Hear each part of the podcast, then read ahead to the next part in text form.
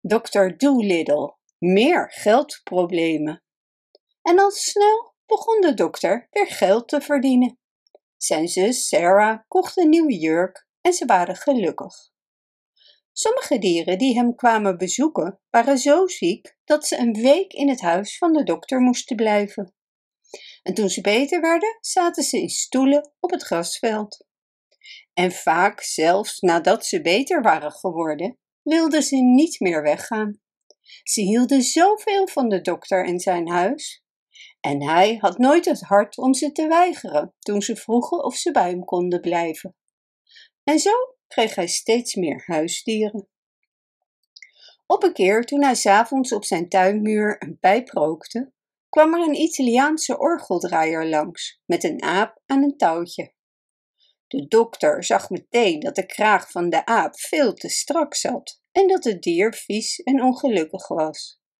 Dus nam hij de aap weg van de Italiaan, gaf de man een geldstuk en zei dat hij moest gaan. Maar de orgeldraaier werd ontzettend boos en zei dat hij de aap wilde houden. Maar de dokter vertelde hem dat als hij niet snel weg zou gaan, hij hem op zijn neus zou slaan. John Dolittle was een sterke man, hoewel hij niet erg lang was. Dus de Italiaan ging weg en zei onbeleefde dingen, en de aap bleef bij dokter Dolittle en had een goed huis. De andere dieren in het huis noemden hem Chichi, wat een veelgebruikt woord is in de apentaal en gember betekent. Een andere keer toen het circus naar de stad bij de plas kwam, ontsnapte de krokodil die erge kiespijn had en kwam naar de tuin van de dokter.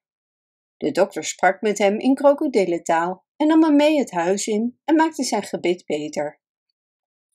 Maar toen de krokodil zag wat een mooi huis het was, met al die verschillende plaatsen voor de verschillende soorten dieren, wilde hij ook bij de dokter gaan wonen.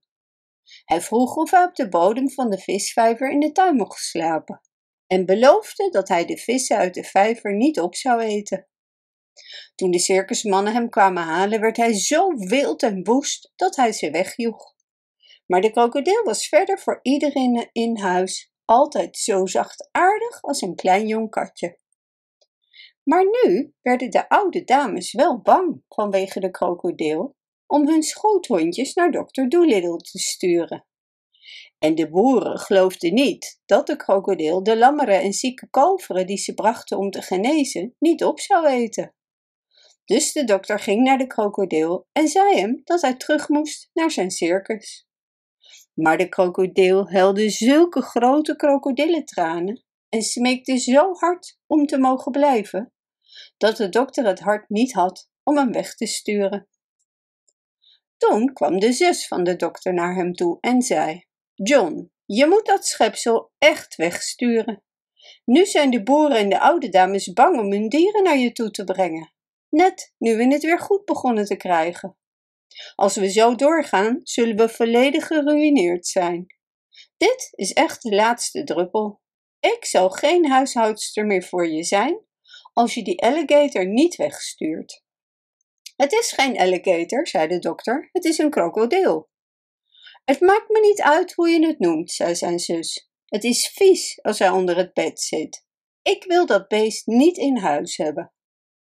Maar hij heeft me beloofd, antwoordde de dokter, dat hij niemand zal bijten.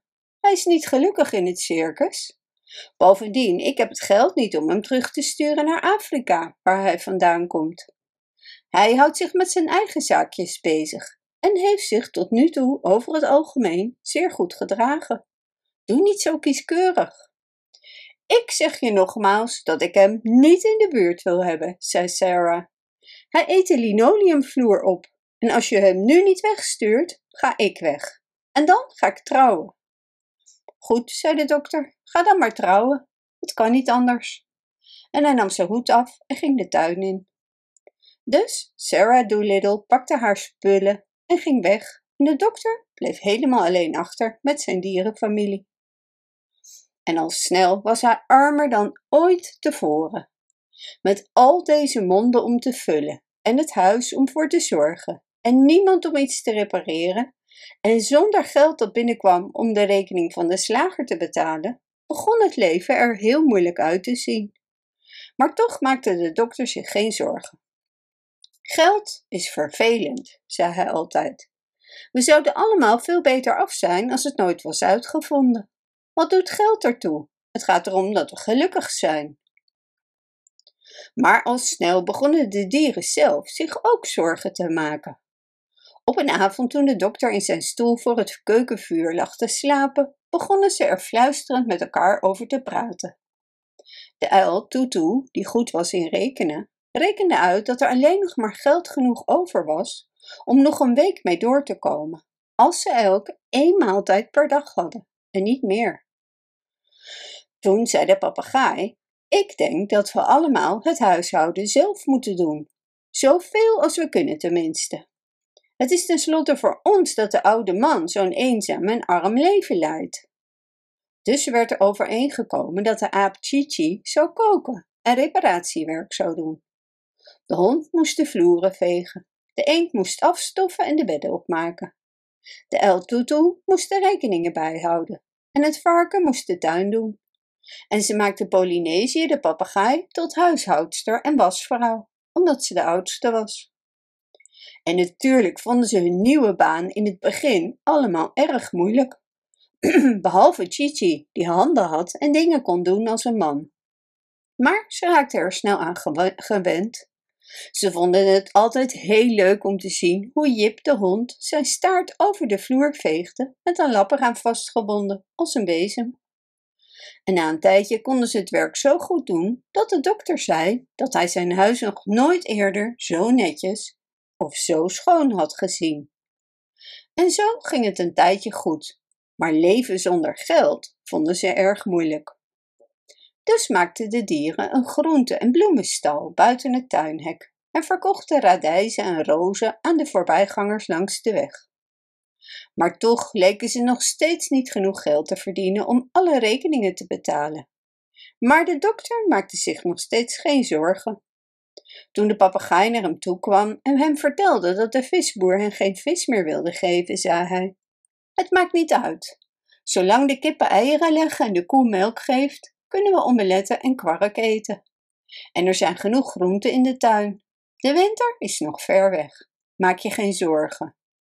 Dat was het probleem met Sarah. Zij zou er ophef over hebben gemaakt. Ik vraag me af hoe het met Sarah gaat. Ze is een uitstekende vrouw, althans in sommige opzichten, dat wel. Maar de sneeuw kwam helaas dat jaar eerder dan normaal. En hoewel het oude kreupele paard veel hout uit het bos buiten de stad haalde, zodat ze een groot vuur in de keuken konden hebben, waren de meeste groenten in de tuin op en de rest was bedekt met sneeuw. Veel van de dieren hadden echt honger. Bedankt voor het luisteren. Wist je dat je dit verhaal ook op onze website ririro.com/nl kunt lezen, downloaden en printen?